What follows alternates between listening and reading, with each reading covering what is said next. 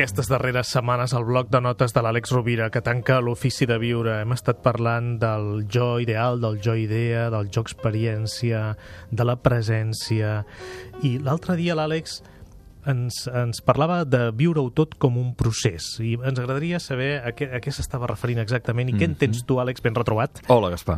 Pel, el, què entens tu eh, per viure-ho tot com un procés? La vida com a procés. Qualsevol tall que fem en el nostre procés de l'existència està necessàriament esbiaixat. Quantes vegades eh, quelcom que, que ens ha semblat una desgràcia ha esdevingut amb el temps una porta a una transformació?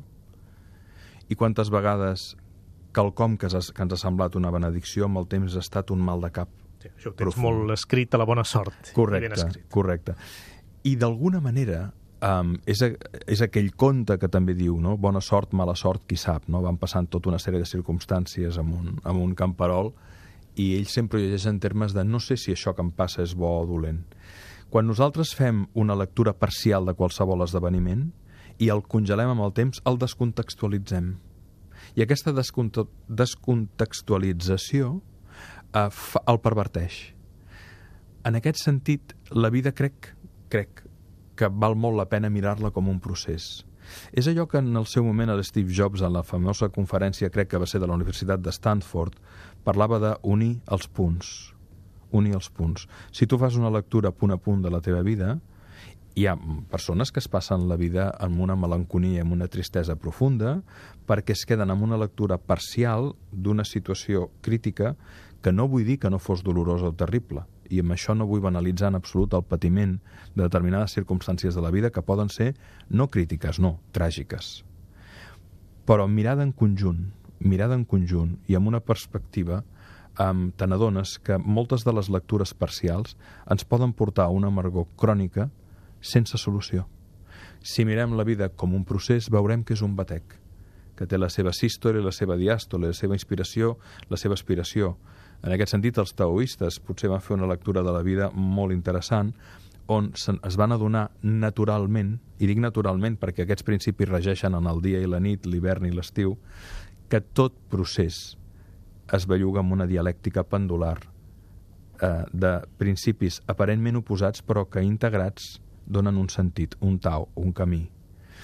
Aquesta lectura de la vida eh, crec que ens permet viure amb una esperança no forçada, sinó saber que allò que de vegades ens pot semblar una molèstia, amb el temps pot esdevenir una situació que ens dongui moments de plaer, moments de goig, moments d'alegria, moments de saviesa, moments de reflexió, moments d'acompanyament a altres que estan passant per aquell patiment que nosaltres vam passar, però que en haver-ne pogut fer una alquímia podem acompanyar a la persona que pateix. I és des d'aquesta lectura que eh, deixem, ens permetem sortir del pou, del pou de l'angoixa, del pou de la infelicitat, del pou de la frustració, del pou de la queixa crònica.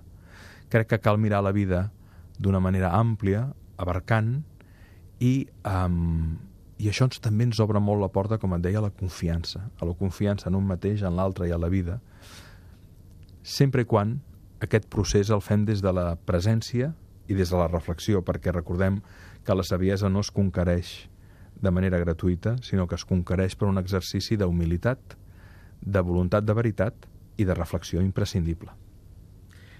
El bloc de notes d'Àlex Rovira el podeu recuperar, si voleu, blocs de notes eh, endarrerits d'aquesta temporada, de les temporades anteriors a catradio.cat, a l'Ofici de Viure.